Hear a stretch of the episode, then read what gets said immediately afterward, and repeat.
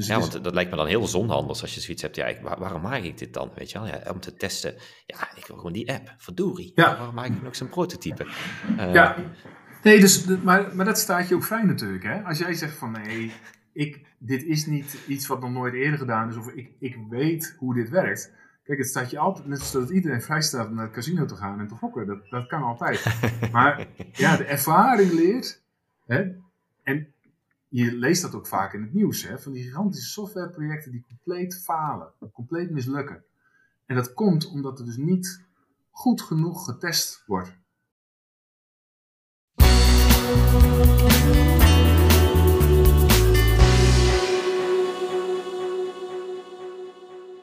Welkom bij de App Specialisten podcast. We hebben vandaag de gast Paul de Jong, eh, UX-expert. Eh, hij weet veel over hoe maak je nou van een idee een succesvolle app, maar dan vooral vanuit het design- en strategiegedeelte.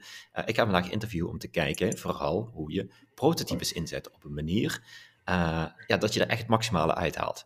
Welkom Paul. David, leuk om hier te zijn. Ja, we kennen elkaar heel lang. Laten we dan niet om de hittepreien heen draaien. We kennen elkaar eigenlijk echt al jaren. En, dus ja, het wordt denk ik ook een heel relaxed interview. Eh, lekker gewoon een beetje voorbeeldjes delen en dat soort dingen. Eh, maar we zijn hier niet alleen. We hebben ook deelnemers van de app Takeoff. Die deelnemen bij App Specialisten zijn deel hiervan. Mogelijk dat we hen eventjes live laten inbellen om wat vragen te stellen vandaag. Ehm, maar Paul, ik, eh, ja, ik ken je natuurlijk al lang. Dus, maar ik vind het leuk om jou even jezelf te laten voorstellen. En doe ik even met een beetje gekke vraag. Als jij, Paul, Ja. als jij een dier zou zijn, wat zou je dan zijn? Als ik een dier zou zijn. ehm, nou, ik zou. eh, eh, het eerste wat in me opkomt is een, eh, is een adelaar. Gewoon heerlijk lekker vliegen op grote hoogte, alles overziend. En lekker glijdend door de lucht, eh, ongehinderd eh, door wat dan ook. Dat, eh, Mhm, mhm, mhm. dat lijkt me het allermooiste om te zijn, ja. Oké, en adelaar, lekker. Dus die vrijheid, dat, je bent wel een man van de vrijheid, begrijp ik. Ja, en van overzicht hebben, hè, dat ehm, is eigenlijk ook als UX-designer een van de belangrijkste dingen om te hebben. Het eerste waar je om grip te krijgen op een project, is dat je het eigenlijk eerst eens eventjes vanaf eh, een kilometer hoogte moet bekijken, om een beetje een gevoel te krijgen van, goh, waar, waar hebben we het nou precies over? Wat, wat heeft er allemaal mee te maken met dit probleem? En Mhm. ehm, ja, welke aspecten zitten er allemaal aan? Dus dat, dat, eh, dat heeft daar wel iets mee te maken, denk ik. Nou, zo, lijkt dan best, zo ben je als persoon, maar zo ben je ook in je professionele leven. Ja, en plus vliegen. Wie wil er nou niet vliegen? Ja, precies. Ja, niet voor niets, hè. Dus, dus het programma waar ik mensen help heet de app Takeoff, het opstijgen. Ja, je, wil, je wil je app laten vliegen. Eh, klopt helemaal. Oké, superleuk. Nou, Paul, ik ga er gewoon meteen eh, met gerechte been in. Eh, hoe kun je iemand nou omverblazen als je met een app prototype? Hoe, hoe doe je dat? Hoe pak je dat aan? Wat, wat moet ik weten? Nou, wat allereerst heel belangrijk is, is dat je weet waarom je dat prototype aan het maken bent. En zoals je nu al de vraag stelt van hoe blaas je mensen ermee omver, dan eh, is dus je doel om mensen te overtuigen. Misschien een investeerder te overtuigen of eh, iemand anders die eh, misschien een artikel over je in de krant wil schrijven, wil je die overtuigen en omverblazen. Dus het belangrijkste is dat dat prototype ehm, eigenlijk simpelheid uitstraalt. Hè? Als het prototype er heel in- ingewikkeld en complex uitziet, ehm, dan is het heel moeilijk voor mensen om dat meteen te snappen. Dus je wil een prototype wat er goed uitziet, eh, maar wat tegelijkertijd ook simpel is. Ehm, maar deze specifieke vraag die je me stelt, van hoe blaas je mensen mee omver. Ehm, dat heeft denk ik ook nog een hele andere interessante dimensie. Want je bent snel geneigd om helemaal te gaan focussen op dat prototype, daar uren, weken, maanden aan te tweaken tot het helemaal perfect is. Maar eigenlijk om iemand met, omver te blazen met dat prototype, hangt dat niet alleen van het prototype af, maar dat hangt ook van jou af. Van jou als ondernemer, als bedenker. Stel je bijvoorbeeld, je hebt die, eh, eh, je hebt die investeerder die op zoek is naar een, eh, een goede app om in te investeren. Ehm, dan, wil, dan wil diegene niet alleen in, dat, in die app, in dat concept investeren, maar die wil ook in jou investeren. Die wil dat, daar iemand achter zit die, eh, wat er ook gebeurt, zorgt dat dit idee een succes wordt. Dus besteed niet alleen aandacht aan dat prototype zelf, maar besteed ook heel veel aandacht in hoe jij als persoon, die, degene aan wie je het presenteert, hoe je die meeneemt en overtuigt dat, dat dit een fantastisch concept is en dat jij degene bent die dat tot een succes gaat maken. Ja, precies. Dus, dus als je zo'n pitch hebt of, of, een pitch deck die je gaat houden, dan presenteer je dus niet alleen je idee, maar je presenteert ook jezelf. Zeker. Uh, ja, je ja, sterker nog, je verkoopt niet alleen het idee, maar je verkoopt ook jezelf. Dat is een belangrijke. Die twee dingen horen bij elkaar. Oké, dus dat, dat is on, uh, ja, dat vind ik wel mooi om te, om te weten. Ja, ik ben ook wel benieuwd naar hoe dat dan met die prototype gedeelte zit. Hè. Daar, daar wil ik vandaag eventjes op focussen in de, in de podcast. Maar een goede aanvulling. Um, uh, dus, dus een prototype, je zegt, je kunt het inzetten om te overtuigen. Maar wat zijn dan nog andere manieren waarop je prototypes zou kunnen inzetten? Waar, ja, waar, waar zet jij prototypes voor in? Um, nou, een prototype maak je altijd omdat je iets te weten wil komen. Je wil iets testen. Je hebt een mhm. bepaald uh, idee van, uh, ik denk uh, dat we deze of deze functie moeten introduceren omdat dat dit en dit doet met de eindgebruikers. Maar zoals ik al zei, dat is een idee. Dat is niet iets wat je 100% zeker weet. Want om dat 100% hm. zeker te weten, moet je dat gaan testen. En dat is uh, de reden waarom je een prototype inzet. En um, wat je wil gaan testen, kan je verschillende type prototypes maken. Je kan, een prototype kan zo simpel zijn als, um, als een schetsje op, een, op de achterkant van een envelop. Uh, om je idee te visualiseren en dat tegen iemand aan te houden. Of het kan zo compleet zijn als dat er daadwerkelijk met, met drie programmeurs aan geprogrammeerd wordt. Om hè, bijvoorbeeld in een maand tijd iets werkends neer te zetten. om op zo'n manier te gaan testen. Dus er zit een heel breed spectrum in. Ja, ja. Tussen mhm. wat voor type, wat voor soorten prototypes je hebt. En, wat voor, en afhankelijk van wat je dus wil testen, kies je dus een ja, een type prototype uit. Maar dat, vind ik wel leuk, want ja, ik ken wel hele basisprototypes, hè, die je bijvoorbeeld uh, ja, een beetje wireframes, een beetje zwart-wit-achtige tekeningen. Maar je zegt zelfs op de achterkant van een envelop, uh, kun, je, kun je dat testen? Uh, wat, wat test je met een prototype op de achterkant van een envelop? Waar moet ik dan aan denken?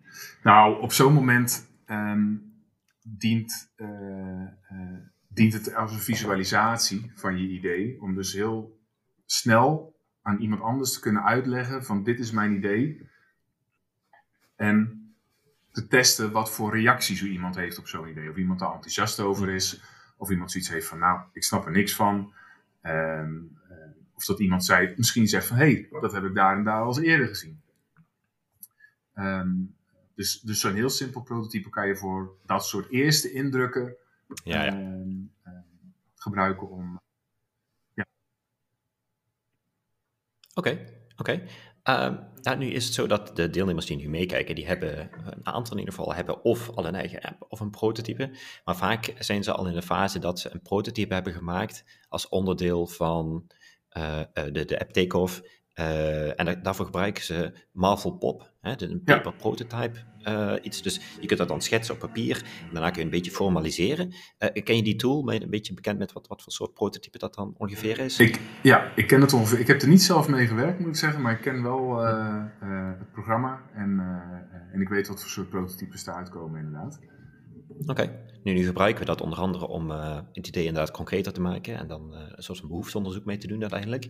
Um, maar waar zou je dat nog meer voor kunnen gebruiken? Waar kunnen de mensen die nu luisteren uh, een prototype nog verder voor inzetten? Nou, je wil, als je een product aan het ontwikkelen bent of een app aan het ontwikkelen bent, dan zijn er twee dingen die je, die je, die je moet hebben. Je moet aan de ene kant moet je een businessmodel hebben, dus het, het moet op de een of andere manier, maakt niet uit op wat voor manier, moet het geld genereren, zodat je daar weer mee verder kan. Mhm. Ehm, en je moet heel veel wie de eindgebruikers van jouw app zijn. Je viel heel even 10 seconden weg. Wat zei je oh. nou? Je moet heel dicht bij de... Je moet heel dicht bij de eindgebruiker zitten. Dus aan de ene kant heel erg goed weten wat je businessmodel is, hoe je er geld mee verdient, en aan de andere kant ehm, eh, wie je eindgebruikers zijn. Want je moet als ontwikkelaar van je app, ja, hoe beter je in het hoofd, in de huid van je eindgebruikers kunnen, kan kruipen, hoe beter, of hoe makkelijker het is om, om dat product te ontwerpen. Als je er helemaal niks van af weet, ja, dan kan je nooit beslissingen maken van moeten we nou feature A of feature B gaan ontwikkelen, want je hebt er niks geen verstand van. En um, uh, je, je krijgt alleen maar meer inzicht in die doelgroep door met ze te praten. Dat is eigenlijk de beste manier om het te doen. Je kan er van alles over lezen, je kan eindeloos uh, door forums heen scannen. Uh, kan allemaal interessant zijn, dat soort desk research. Maar uiteindelijk is het het allerbeste om gewoon met mensen te gaan praten en te kijken hoe ze in de praktijk ehm, dat probleem omgaan wat jij probeert op te lossen. En, en heel concreet, hoe doe je dat dan? Hoe doe je vanuit zo'n paper prototype ja, dat testen in de praktijk met gebruikers? is om, om er gewoon op af te stappen. Om naar de plekken toe te gaan waar die mensen zijn. Uh, om daarop af te stappen en een gesprek met ze aan te knopen. Uh, als je zo'n uh, Marvel prototype hebt, dan kan je het heel makkelijk. Hè, je hebt het op je telefoon staan. Je kan het heel makkelijk aan hun geven van goh, kan je, zou je eens, ik heb een idee voor een nieuwe app, zou je eens daarnaar willen kijken. En op zo'n manier ontstaat er vanzelf een gesprek niet alleen over je app zelf, maar ook over alle randzaken die rondom die app heen hangen. dus het, er zijn vaak dingen van invloed op een app en ook op het ontwerp van een app die, die buiten de app liggen. Dus misschien bijvoorbeeld wordt die app gebruikt op het moment dat mensen heel weinig tijd hebben. Nou, dat beïnvloedt het ontwerp van de app. dat, dan moet de app heel simpel, heel duidelijk, het liefst met grote knoppen zijn. Niet met alle kleine uh, onderdeeltjes. Ehm, het kan ook zijn dat je een app wil maken, maar blijkt dat mensen op het moment dat ze dat probleem hebben wat jij wil oplossen, altijd achter hun bureau op hun kantoor zitten. Dus dan is het de hmm. vraag van, hey, is een app dan wel de juiste oplossing? Of moeten we daar ook een webvariant bij maken bijvoorbeeld? Dus dat soort omgevingsfactoren spelen altijd een rol bij, ehm, eh, bij het maken van je ontwerp. Dat, daar kom je achter door met je prototype Ehm, eh, naar de mensen toe te gaan en te kijken en erover te praten hoe dat in de praktijk eh, gaat. Ja, tof. Dus wat, wat ik je eerder wil zeggen is van je moet echt een ja, je, je, kunt gebruiken als testdoel. Dan kan je verschillende doelen hebben. En met zo'n paper prototype hoor ik je zeggen, kun je die randvoorwaarden eigenlijk ja, in kaart gaan brengen. Ja, is, is dat, en, is dat, en, en, en meer te weten komen over je, over je doelgroep. Ja, precies. Ja, dat is, dat is ook belangrijk, want je wil in dat hoofd gaan zitten van die doelgroep. Oké, dat klinkt al interessant. Leuk. Um, ja, um, ja, het is ook een beetje de vraag, um, hoe gaat dat meer in de praktijk? Hè? Want, want ik kan me voorstellen dat je bijvoorbeeld zegt, nou, mijn doelgroep is, uh, zijn jonge mensen en ik ga in een café zitten en ik ga daar, ga daar zitten. Kun je dat gewoon dan iemand aanspreken en dan zeggen, dit is mijn prototype en dat is klaar? Of, of heb je daar nog hulpmiddelen voor of tips? Of nou, je dat Dat, dat, is best, dat is best een goede manier. Um, Oké. Uh, nee, het, kijk, het, het, gaat erom dat je. Um, dus, dus ik, ik doe dit voor mijn werk. Hè? Dus ik doe dit heel vaak in, in vrij zakelijke settings. En een van de nadelen daarvan is dat mensen uh, in zo'n. Als ze, als ze bijvoorbeeld uh, hier bij mij op kantoor komen dat is, dat is al een beetje een soort van laboratorium setting. Waardoor mensen, te, die, die app gebruiken ze niet in een laboratorium setting in de praktijk. Die app gebruiken ze gewoon onderuitgezakt in een pyjama op de bank. Of als ze hmm. net wakker worden. Ehm, dus er, ik moet rekening houden met allerlei van dat soort omgevingsfactoren die mijn testresultaten beïnvloeden. Maar als jouw doelgroep uh, gewoon ontspannen in de kroeg is op dat moment, en jij zit daar ook in de kroeg, uh, dan is het heel makkelijk om, uh, om op die manier een gesprek met ze aan te knopen. En te zeggen van, goh, je kent me niet, ik ken jou niet, maar ik ben bezig met het ontwikkelen van een app. En ik ben op zoek naar mensen die, die daar een mening over willen geven. Nou, ik denk hmm. dat dat een hele goede um, gespreksopener is. Als dat, als dat iemand is die daar ook uh, toevallig net eens eentje binnenkomt lopen en wacht, uh, nog een half uurtje moet wachten voordat ze vrienden er zijn of zo bijvoorbeeld. Ja, ja, ja. Dan, maar eh, interessant. Dus dan vraag je eens een, een openingsvraag. Die vind ik wel goed ook. Leuk, leuk voorbeeld. Uh, en dan? Want je, ja, je hebt vast slimme vragen die je daarna kunt nou, stellen. Ja, dus zo'n een, test. Um, normaal gesproken als ik, als ik een, uh, uh, een test doe, of een usability test is dat dan vaak. Die bestaat uit een aantal onderdelen. En dat begint altijd met um, te vragen van wat, wat demografische gegevens van iemand. Hè? Dus hoe oud is iemand? Uh, ja, wat, als het, van als het voor je project van toepassing is, bijvoorbeeld welke hobby's heeft iemand. Hè, dus dat hangt een beetje vanaf wat voor project je hebt.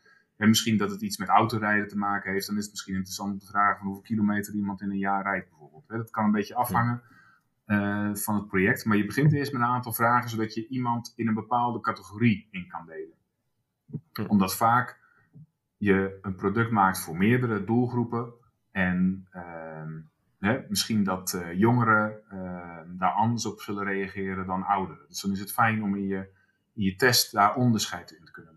En ik vraag je dan bepaalde mensen ook wel en andere mensen niet? Is dat ook, maak je een schifting in? Nee, in principe vraag je die vragen aan iedereen, dezelfde vragen aan iedereen, zodat je die antwoorden goed met elkaar kan vergelijken.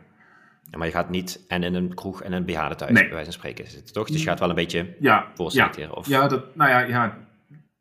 Kijk, ieder, iedere doelgroep, als dat jouw doelgroep is, en jongeren in de kroeg en bejaarden in het bejaardenhuis, ik zou niet weten wat voor product daarbij hoort, maar als dat je doelgroep is, is dat je doelgroep. Dat maakt niet uit. Nee, Oké, dus, dus je hebt een doelgroep, je moet een doelgroep omkaderen en, die, en je gaat kijken waar zij actief zijn. Dat, dat is, oké. Het liefst zo specifiek mogelijk, want dat maakt het veel makkelijker. Als, als iedereen jouw doelgroep is, ja, dan valt er haast geen pijl op te trekken wat je richting is. Dus het is dan, als, als als iedereen theoretisch gezien je doelgroep is, probeer het dan samen te brengen tot van wie is in ieder geval jouw doelgroep. Hè? Zijn dat misschien uh, hoger opgeleide, jongeren, juist ouderen, uh, babyboomers, maar probeer in ieder geval één kerndoelgroep te vinden. En ga daar eerst mee beginnen om je.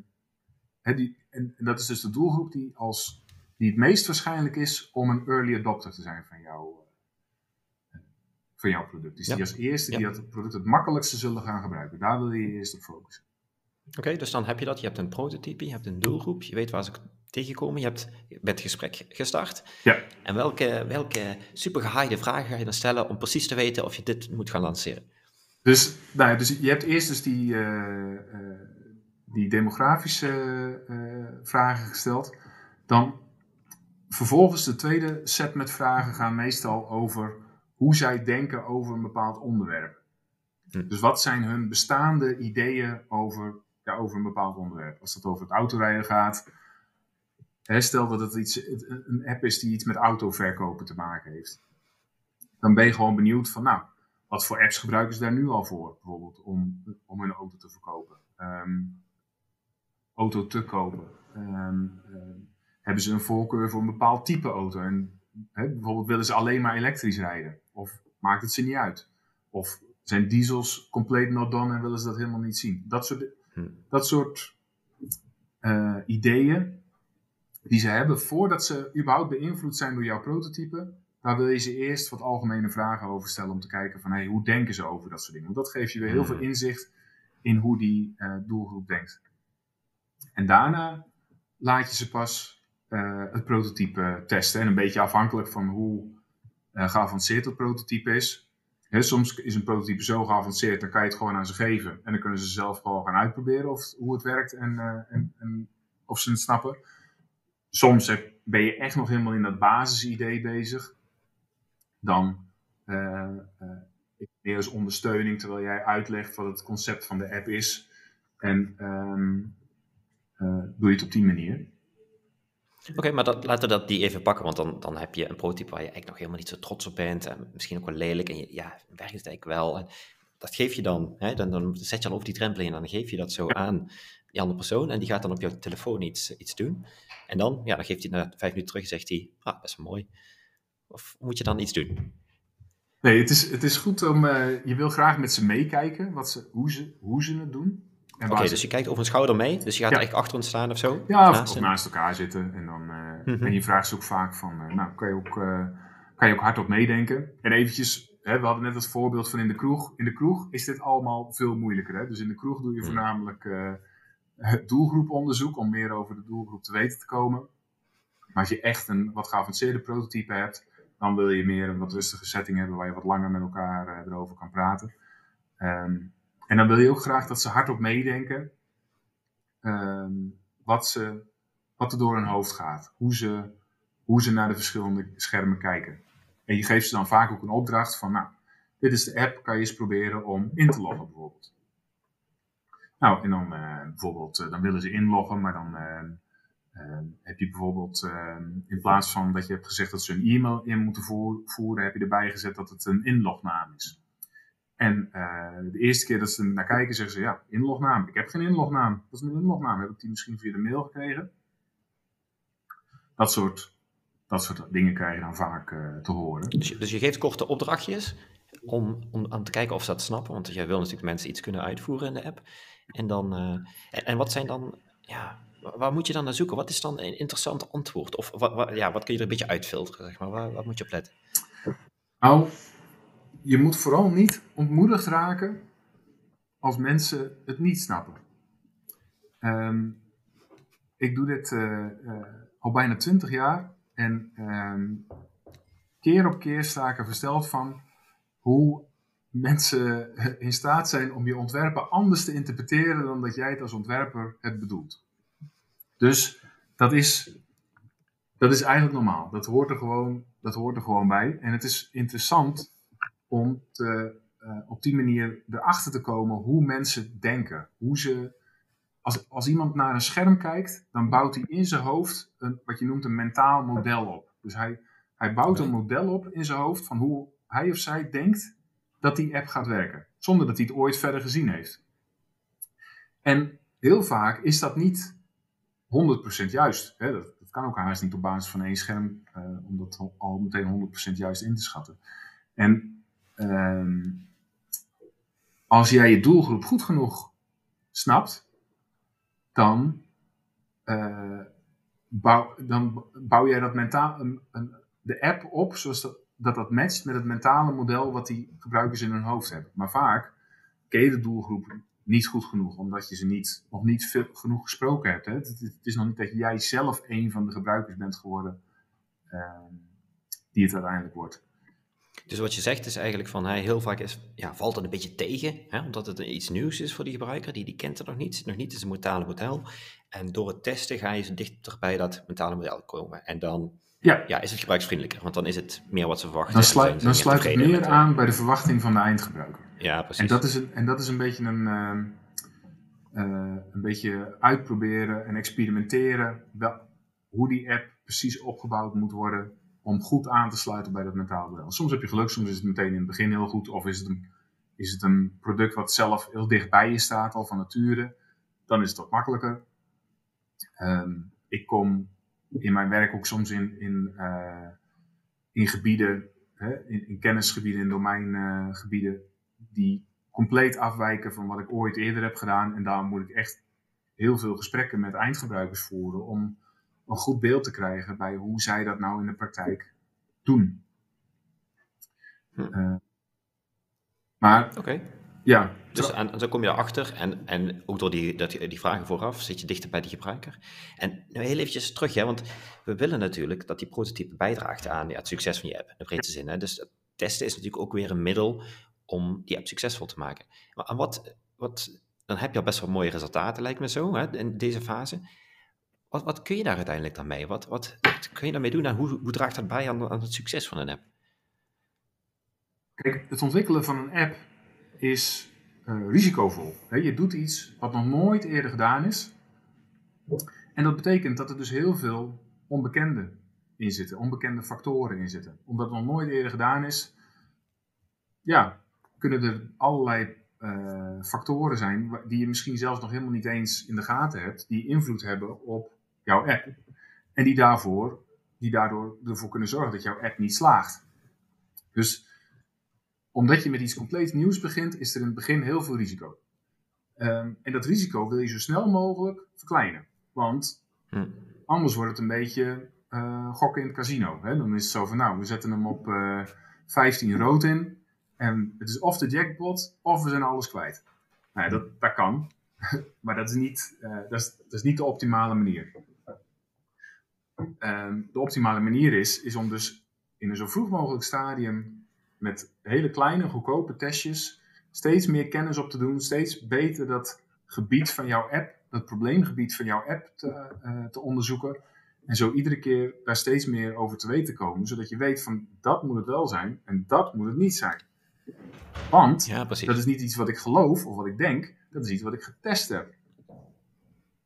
Ja, precies. Dus je komt erachter hoe, hoe jouw idee echt in de realiteit wordt ervaren. Je test het, je leert ervan, je implementeert dat, zodat je ja, niet meer gaat gokken op vijf niet rood, Ja. maar eh, ja, dat, dat je gewoon heel slim kan investeren en eh, ja, bouwen waar precies behoefte aan is. Pas je volledige budget ergens op inzet op het moment dat je ook zeker weet dat dat de richting is die je op moet gaan. En we hebben het nu heel erg over, ehm, hè, over de functionaliteiten van de app en de usability. Dat is wat, wat, ik, wat ik voor mijn werk doe. Maar je hebt dat ook eh, eh, met je business model. Want het is natuurlijk heel fijn dat iemand zegt van, oh nee, ik vind het een hele fijn te gebruiken app. Maar dat zegt er natuurlijk nog helemaal niks over of iemand dat A in de praktijk ook gaat gebruiken. Hè? B, of hij daar geld voor over heeft, of, of dat hij daar advertenties in wil, via advertenties dat gratis wil, ma- wil zien. Of dat, Mhm. Dus dat zijn ook ehm, testen die je uit kan voeren en prototypes die je kan bouwen om dat te gaan testen. Nou, de, wel, ja, ik hang aan je lip, Paul. Ja, wat, wat voor een prototype heb je nodig om te zien of mensen gaan betalen voor je app, bijvoorbeeld? Nou, om, dus betalen is, is één ding, maar de eerste stap is om te meten van hoeveel behoefte is er aan dit concept. En dat zou je bijvoorbeeld kunnen testen door een, wat je dan noemt een, een, eh, een landingpage te maken, waarbij je in een alinea, of heel kort in ieder geval, kort en krachtig, of misschien met een heel kort grappig filmpje, eh, uitlegt wat je concept is, of wat het idee is. Van, je zegt van deze app eh, zijn we op dit moment druk aan het ontwikkelen en wordt, wordt binnenkort gelanceerd. En we zijn op zoek naar de eerste beta-testers. Mhm, mhm. Ehm, vul hieronder je e-mailadres in om eh, op de hoogte gehouden te worden van de ontwikkelingen van deze app. Dat is al een hele laagdrempelige, makkelijke manier om te checken van hey, van hoeveel mensen die op deze pagina komen, hoeveel laten er dan hun e-mailadres achter. Ehm, de, eh, die landingpage. Heel ook- even weg. Oh, Vijf seconden terug. ja, dus dat is een hele laagdrempelige manier om te testen van hoeveel animo er is voor, ehm, voor dat concept, voor die app. Ja, precies. Dus dan, dan, dan gooi je dat balletje in die, in die casino eh, roulette en dan ga Ja. je kijken, landt die op de juiste plek. Dus dat is Ja, een gokjewagen, ja, zeg maar. Het is een Ja. gokjewagen, maar een gokje wat je nauwelijks wat kost. Hè, dat, eh, dat kan je in een, eh, in een dag kan je dat in elkaar knutselen. Je gooit, je gooit het op, op Facebook of hè, via eh, advertenties via Facebook of via, eh, of via Google advertenties. Zorg je dat daar traffic op gegenereerd wordt. En, eh, en vervolgens meet je met zoiets als Google Analytics hoeveel mensen daar precies opkomen. En aan de andere kant hou je bij van hoeveel mensen eh, laten daadwerkelijk een e-mailadres over. Nou, als, Ja, precies. als daar bijvoorbeeld maar één van de honderd daar zijn e-mailadres achterlaat, dan weet je dat dat niet, nog niet superveel tractie heeft. Ja, attractie is dus dat, dat het succes, succes kan hebben, dat het Ja. aanslaat in de markt. Ja. Ja. Ja, dus je, je, van tevoren moet je daar dan een bepaald doel bij stellen. Dat je zegt van nou, ik wil dat 3% van de bezoekers converteert, noem je dat dan. Dus de Mhm. 3% van de mensen die op die pagina komen, die binnen mijn doelgroep vallen, die, ehm, die laten hun e-mailadres achter. Is, dat, is dat redelijk in, eh, gemiddeld 3%? Ja, 3%, ja, ik denk dat je minstens 3% wel moet hebben om, ehm, eh, om het levensvatbaar te maken. Als het minder dan 3% is, dan, dan is de aantrekkingskracht van je concept niet groot genoeg. Een 3% klik nog laag. Als je 100 kliks hebt, 100 mensen gaan er naartoe en maar, maar drie daarvan klikken, is, is dat is niet hoog Ja. of laag? Of? Ja, dat, dat, dat hangt af van jouw businessmodel. Hè? Als, jij, eh, als jij een miljoen mensen in jouw app moet hebben om jouw businessmodel te laten werken, dan is het inderdaad veel te laag. Eh, maar als jij zegt van nou, als ik duizend betalende klanten heb in mijn app, dan, hè, dan ben ik er al. Dus zou je dan kunnen zeggen bijvoorbeeld van, eh, even makkelijk gezegd, ik moet eh, nou 100 schilderbedrijven in mijn app hebben. Ik maak daar een, zo'n landingspagina voor. Eh, mijn markt in Nederland is 500 schilderbedrijven, dus ik moet 1 op 5 moet hiervoor intekenen. Is dat redelijk? Dat, dat zou ik, als dat werkelijk de cijfers zijn, zou ik dat erg ambitieus vinden. Dan moet je, dan moet je dus een heel goed concept hebben. Ah, Ik zeg niet dat dat niet kan, want natuurlijk kan het. Mhm. Maar je moet een heel sterk concept hebben. Dus de waarde die je biedt, moet zeg maar dan acht tot tien keer hoger zijn dan de kosten die het met zich meebrengt. Ah, zo, oké. Dus die, dat, oké, acht tot tien keer hoger. Dat vind ik wel mooi, uh, mooi mee te nemen. Maar goed, het was, het was maar even een voorbeeldrekening. Als je zegt, ik heb tien schilderbedrijven nodig en er zijn 500 in de markt. Hè, maar een beetje marktaandeel voor het eerste jaar of zo. Is dat, is dat dan... Kijk, ik, ik, je, moet, je moet je niet... Uh, het, het is vaak, het is niet zozeer van... Uh, het is vaak, je hebt ofwel significant tractie of je hebt geen tractie. Dus je hebt of mhm. vier of vijf mensen die een e-mailadres achterlaten nadat er duizend mensen op die landingpage zijn geweest. Of je hebt er 20, 30, 40. Dat is een significant oh verschil. En als je dus met die 20, 30, 40, dat is een goede, dat is een goede start. Dat, mhm. dat is een groep mensen. Als je zo meteen jouw eerste, wat je dan noemt je MVP, je Minimal Viable Product, uh, de eerste versie van jouw product, de eerste testversie, als je die naar 40, 50 mensen uit kan sturen om daar vervolgens weer mee verder te gaan testen, mhm. dan heb je een goede basis om flink wat feedback te uh, verwerken, uh, te verzamelen en op zo'n manier je app steeds beter en beter te gaan maken. Dus um, ja, dat, ja, oké, oké. Dat is nou, dat is goed om dat verschil ook te zien. Hè? Dus, dus wat inderdaad je zegt 2 op de 1000 of, 30 op de 1000 of zo. Uh, dat is wel inderdaad een verschil.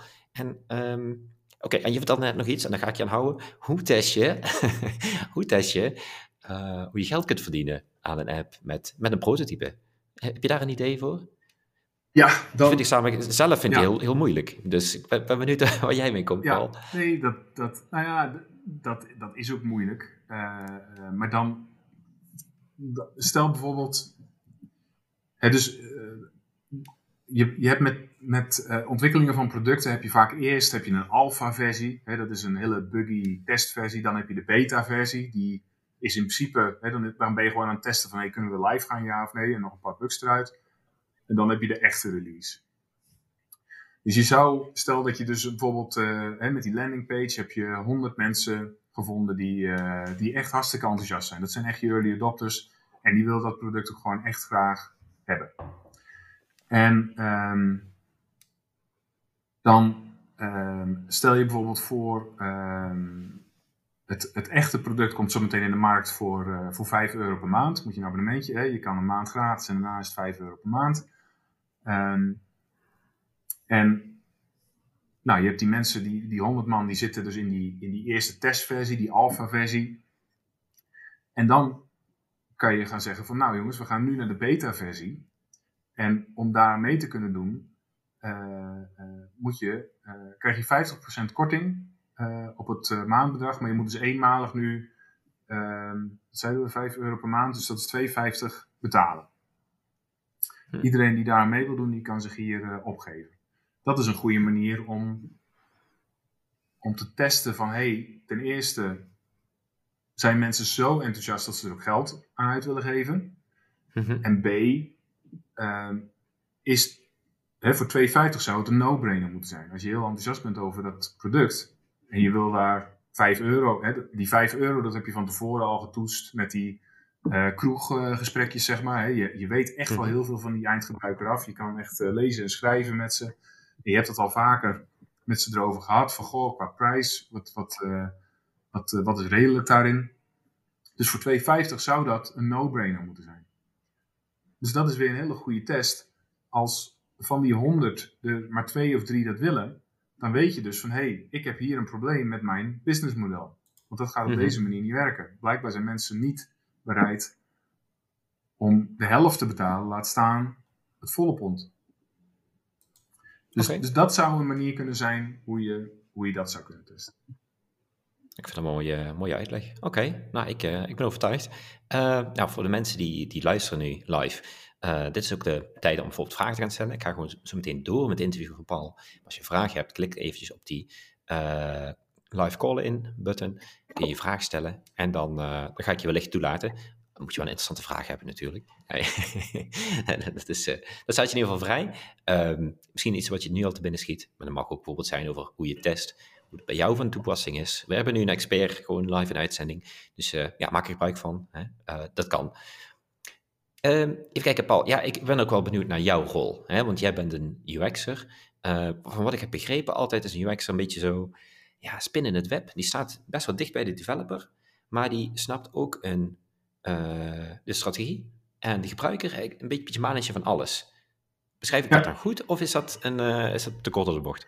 nee, nee, dat klopt. Het is, nou ja, laat ik beginnen met dat UX is een heel breed gebied en veel bedrijven en mensen interpreteren dat allemaal op hun eigen manier. Maar mijn interpretatie ervan is inderdaad dat je, dat je een, een spin in het web bent mm en je zowel met de businesskant bezighoudt als met wat er technisch wel en niet mogelijk is, als focussen op, op die eindgebruiker. Mm -hmm. ja, er zijn ook meningen dat een, een, een, user experience designer zich volledig moet focussen op die user, hè, op die hmm. gebruiker, op die gebruikerservaring. Ehm, maar dat vind ik zelf persoonlijk te kort de bocht. Ehm, uiteindelijk vind ik dat iedereen die ehm, aan een product werkt, hè, of je nou uh, de opdrachtgever bent, of de developer, of een ontwerper, iedereen moet bezig zijn met dat product tot een succes te maken. Niet alleen om zijn kleine dingetje goed te doen, maar om mm continu na te denken van hoe draagt wat ik nu doe bij aan dat grotere geheel om dat product tot een succes te maken.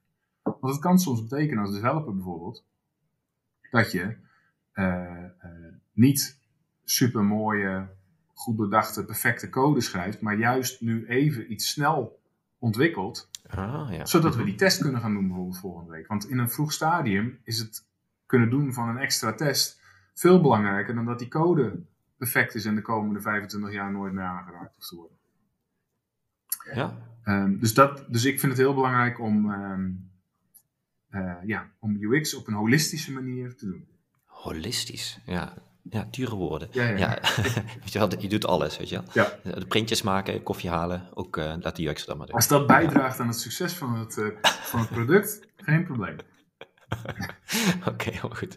Um, nou, we, zijn, we, zitten nu in een podcast, uh, maar misschien kun je ook even iets laten zien voor de mensen die kijken. Uh, heb je voorbeeldjes of iets wat je kunt laten zien, Paul? Ja, zeker. Misschien is het leuk om eens te laten zien hoe, hoe een prototype wat ik meestal maak, hoe dat eruit ziet. Mm -hmm.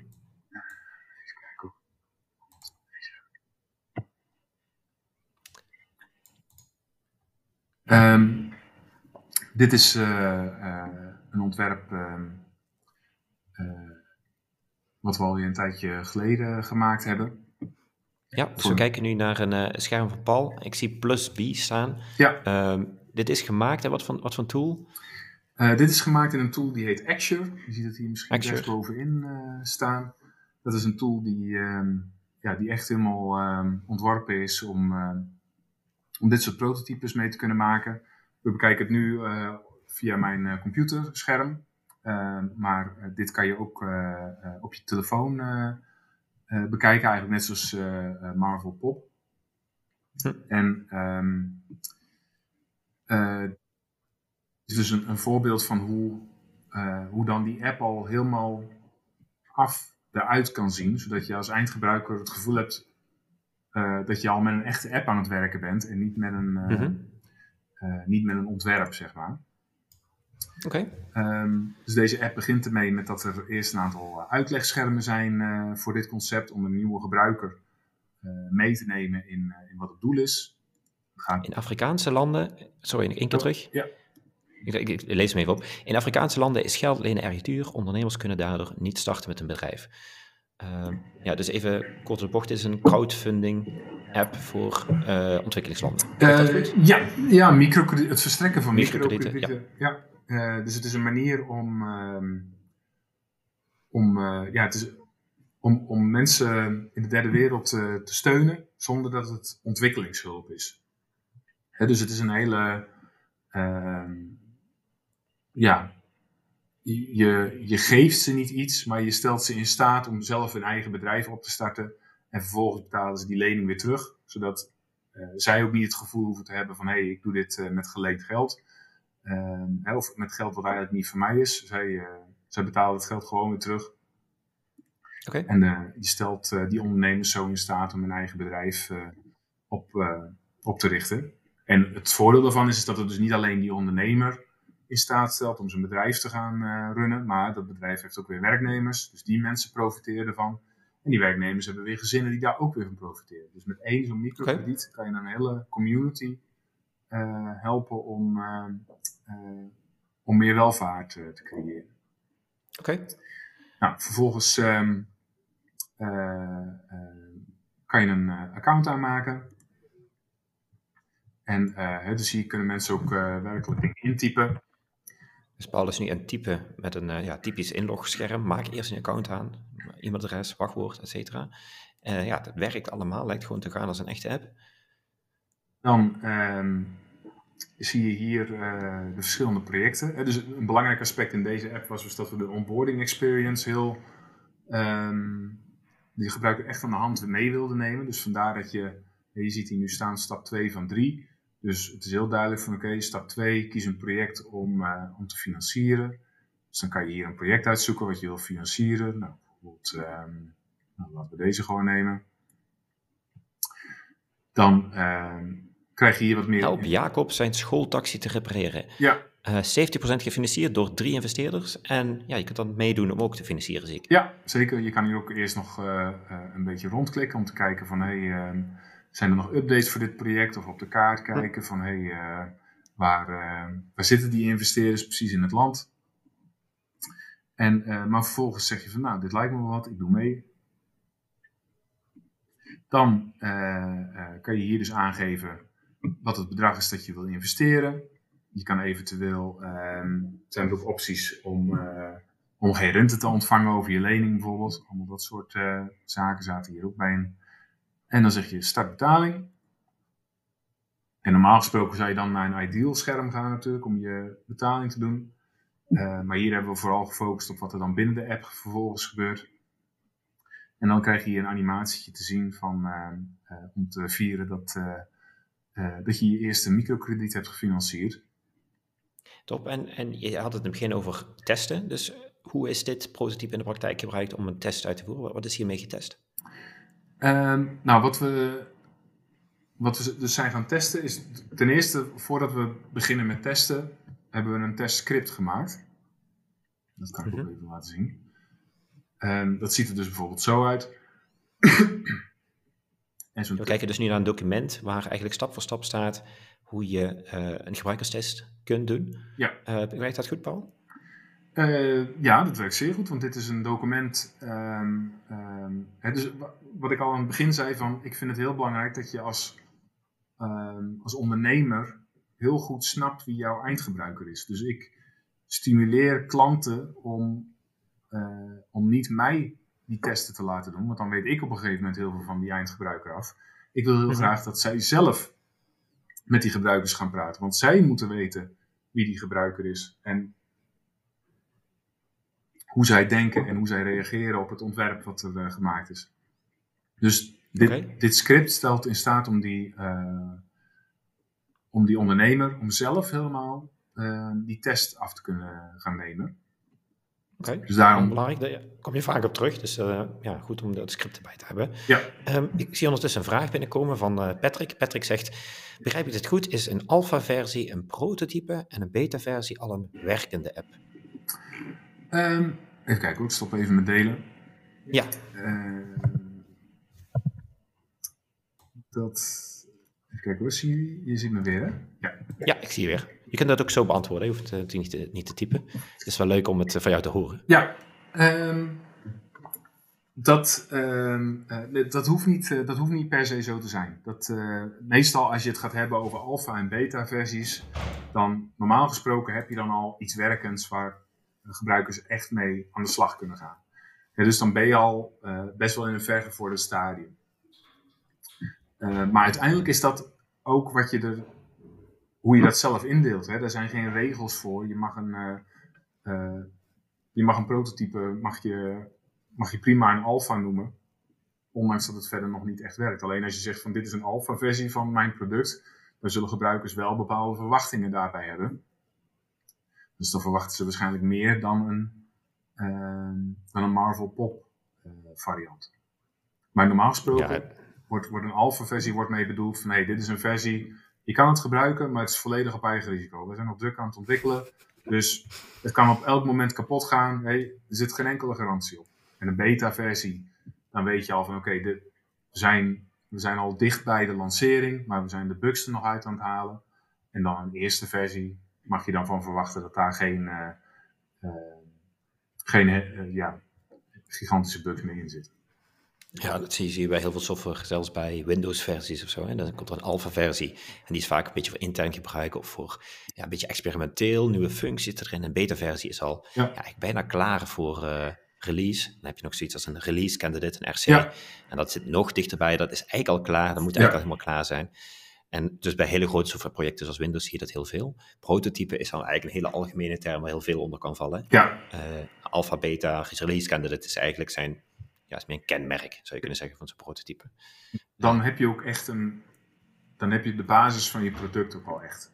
Als ik het over een prototype heb, dat is misschien wel ook wel een belangrijk verschil om te maken inderdaad. Als ik het over een prototype heb, dan heb ik het over iets wat je daarna weer weggooit. Dus een prototype is niet een eerste versie van je product, waar je vervolgens weer op door gaat bouwen. Een prototype, en dat is wat ik je net liet zien bij Plus B, dat niks daarvan komt in het uiteindelijke product terecht. Dat is allemaal in Action. Nou, nou ja, het ontwerp, mij toch wel. Het, het, het ontwerp, wel, toch? Het ontwerp wel, maar dat prototype zelf, er zit geen code in die de basis ah, vormt voor de rest van de app. Dus ja, want dat lijkt me dan heel zonhandig als je zoiets hebt. Ja, waarom maak ik dit dan? Weet je wel? Ja, om te testen. Ja, ik wil gewoon die app. Verdorie. Ja. Waarom maak ik nog zo'n prototype? Uh, ja.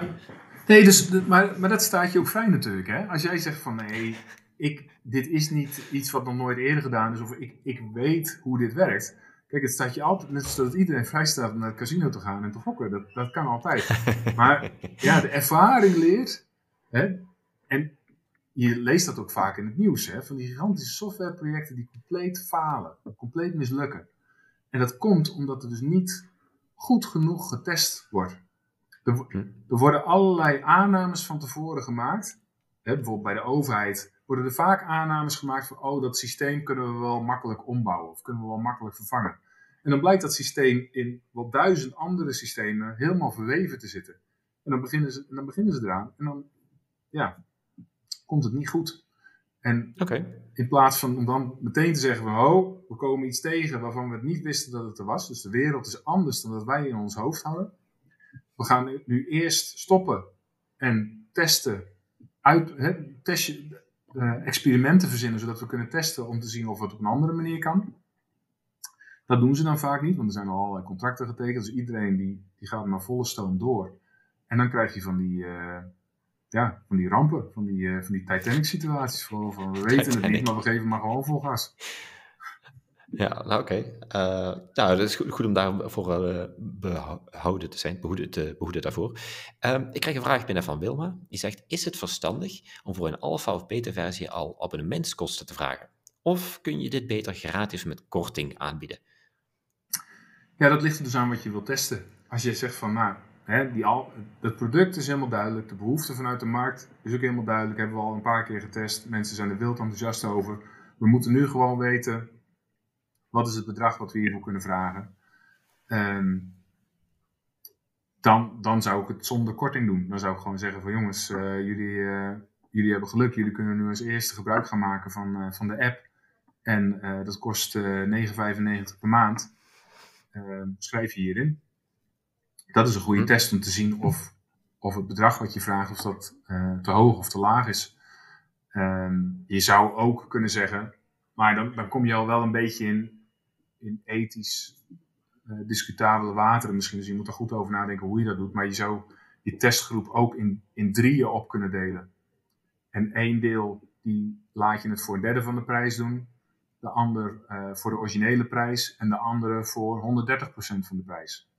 En dan kijk je van welke prijs werkt het beste. En dan kan je altijd nog zeggen van nou jongens, degene die dan meer moeten betalen als je er werkelijk mee door wil gaan.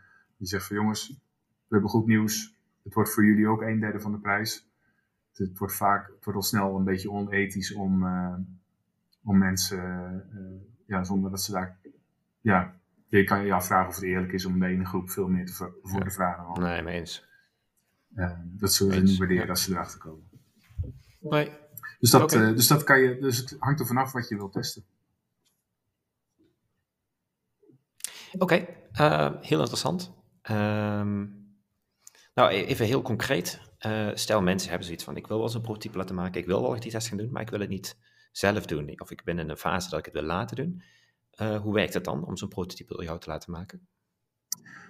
Um, ja, dan hoef je feitelijk alleen maar contact met me op te nemen. Dat, dat kan vrij, dat, is, dat, is, dat is niet het moeilijkste.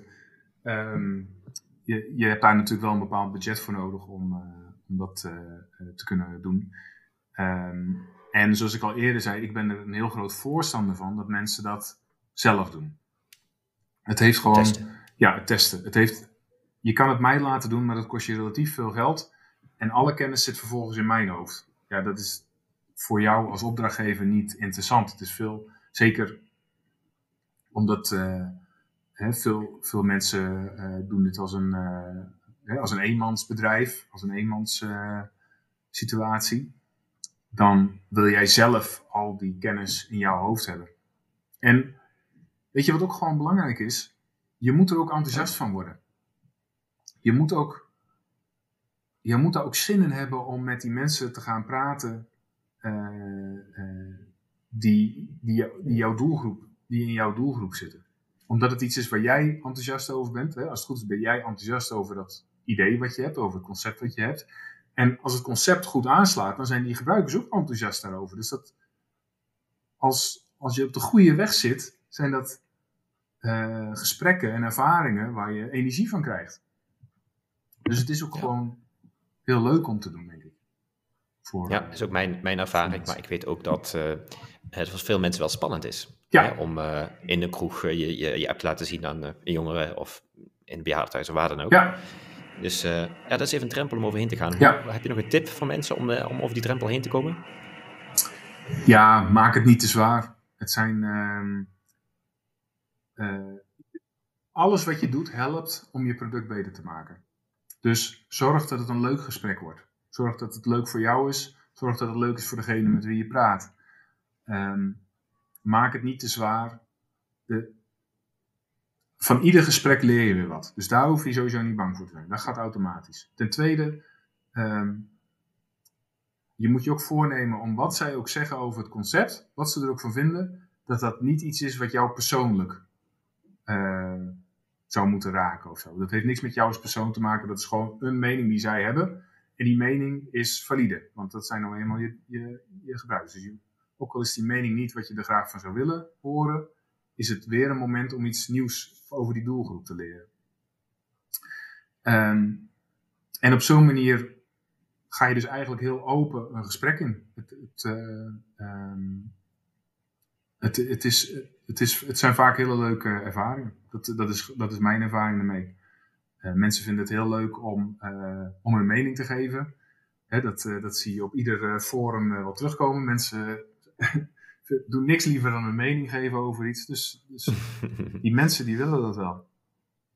En het is aan jou, het is aan jou om, om, goed, om goed te luisteren, niet jouw eigen mening of visie op die ander over te brengen, want dat heeft natuurlijk helemaal geen zin. Het is gewoon puur halen en luisteren en, en, uh, en kijken, zodat jij hoe, hoe ze met jouw app omgaan en uh, eh, om, om zo een beter idee te krijgen van wat, eh, wat belangrijk is voor jouw eindgebruiker. Heel goed, dankjewel Paul. Graag gedaan.